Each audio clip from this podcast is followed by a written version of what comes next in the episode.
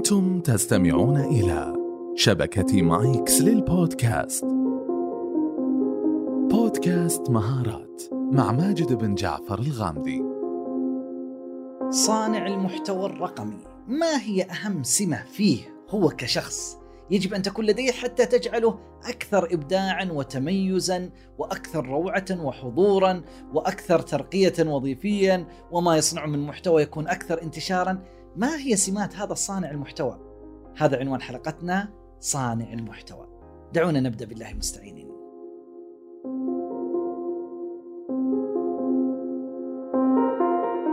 السلام عليكم ورحمة الله وأهلا وسهلا بكم. أحد أهم الأمور في عالم الإعلام الرقمي الشخص الذي يقوم بصناعة الفكرة صناعة المحتوى. فيا ترى ما هي سمات صانع المحتوى؟ ما هي الصفات التي يجب أن تكون لديه؟ عدة صفات. أولها المهنية. ماذا نقصد بالمهنية؟ أنه يراعي أصول المهنة. قد لا يكون هو أصلا إعلامي وليس دارس إعلام. ما هي مشكلة؟ ولكنه تعلم في الأخير أصول المهنة وأنا أتكلم عن الأصول لأن الفروع فيها جانب إبداع كبير.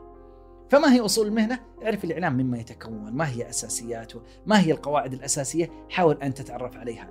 لذلك بعضهم يدخل إلى مهنة الطب ولا الهندسة. لها أصول أساسية. كذلك ترى مهنة الإعلام لديها أصول أساسية. حاول أن تعرفها وتتقنها ولا تخرج عنها. أما الجوانب الإبداعية فحلق في سماء الإبداع ولا تتوقف. السمة الثانية التخصص. نقترح لصانع المحتوى أن يكون لديه تخصص يصنع فيه المحتوى بتميز. ممكن يصنع المحتوى عن أي شيء. تقول له تفضل عن محتوى صحي قرأ وفهم وكتب محتوى صحي.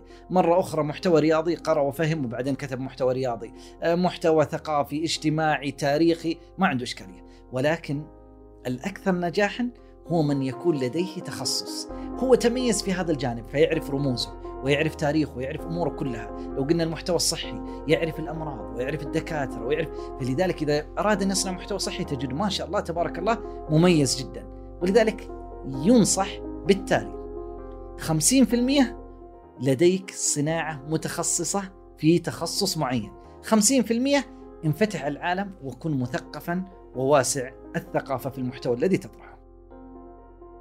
التي تليها أن يتحلى بمبدأ العمل الجماعي لأن عالم الإعلام الرقمي لا يقوم على فرد واحد وإنما يقوم على واحد يصنع الفكرة وآخر يساعده في البحث ثم بعد ذلك الصياغة وآخر يراجعها ورابع يدققها لغويا وخامس يصمم معها بعض التصاميم وسادس يختار وقت النشر والذي يليه بعد ذلك يروج لها ثم يكون هناك راصد للأصداء ثم فهو يقوم بروح العمل الجماعي. فلا ينسب الفضل في عالم الإعلام الرقمي لشخص واحد. عادة هناك فريق عمل فيحتاج أنه ينسجم معهم ويتناغم معهم ولديه روح العمل الجماعي.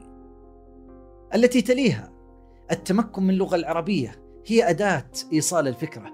لديك فكرة رائعة تريد أن تظهرها للناس يحتاج أن يكون لديك لغة ومخزون لغوي رائع مميز تستطيع من خلاله أن تنطلق وتعبر. فاستخدامات اللغة مهمة جدا.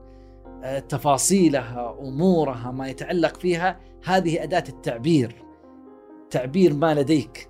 ويعني تريد أن تعبر أن تقول إذا لم يكن لديك كلمات ومفردات متعددة سوف يصعب عليك. ثم بعد ذلك أيضا في اللغة العربية الإملاء النحو علامات الترقيم هذه أيضا يحتاج أن يكون لديه أقل شيء اطلاع عام فيها. وإذا كان غير متخصص وضعيف في هذا المجال فما يمنع يجعل متخصصين فاهمين في أمور اللغة العربية يطلعون يراجعون ويدققونه ثم بعد ذلك ينشر. أيضا من سمات صانع المحتوى القدرة على الابتكار والإبداع، لا يكون يكرر نفسه دائما، لا يحتاج أن يكون إبداعي، فعلا بعض الجهات يسمون الذي يكتب محتوى كاتب إبداعي.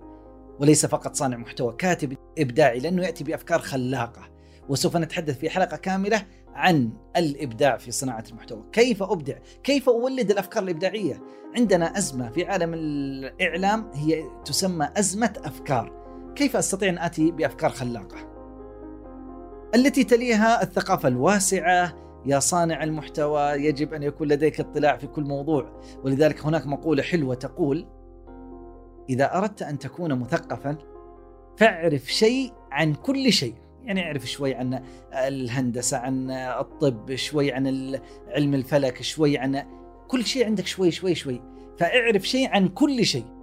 وإذا أردت أن تصبح عالما فأعرف كل شيء عن شيء واحد فقط.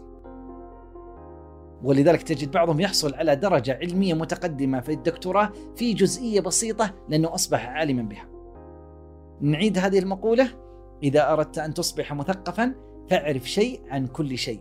وإذا أردت أن تصبح عالما فاعرف كل شيء عن شيء. أيضا من سمات صانع المحتوى اطلاعه على الأمور القانونية معرفته في أمور القانون. حتى لا يخترق الأمور القانونية وبعدين يقول أوه ما كنت أدري. فعلى سبيل المثال بعض الشغلات مثلا فيه نظام الجرائم المعلوماتية جيد الاطلاع عليه والبحث عنه. هناك نظام آخر ونظام ثالث ورابع. اعرف الأمور القانونية في ما يتعلق في الإعلام الرقمي. وبالمناسبة هي متجددة ولا تقف عند مرحلة معينة. وجزء أيضا من عناصر سمات صانع المحتوى أن يكون متجددا، متجددا في أفكاره، متجددا ومواكبا لأفكار العصر، متجدد لا يقف. يعني بعضهم تجلس معه يقول لك سالفة قالها لك قبل خمس سنوات. ويعيدها لك الآن. ولو تقابله بعدين عاد لأنه هو خلاص صار يعني مؤطر في إطار معين ويكرره. صانع المحتوى الإبداعي هو إبداعي على اسمه متجدد لا يتوقف. ختاما يقولون من سمات صانع المحتوى تمام القدرة مع تمام الرغبة يساوي نجاح باهر. خلونا نشرح هذه المعادلة. ماذا نقصد؟ تمام القدرة، القدرة هي المهارة، أن يكون عنده مهارة عالية في مجال معين، ولكن المهارة بمفردها لا تكفي، يقول لك تمام القدرة زايد تمام الرغبة الرغبة الشغف هو يحب هذا الشيء. فإذا كان هو ماهر في الموضوع ولكن ما عنده رغبة ولا شغف لن يطور نفسه سوف يصل إلى درجة ويتوقف.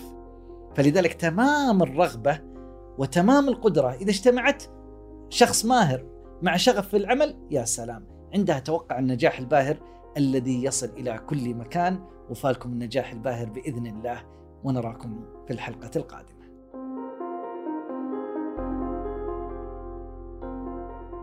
شكرا لكم للاستماع لحلقات الموسم الثالث من مهارات.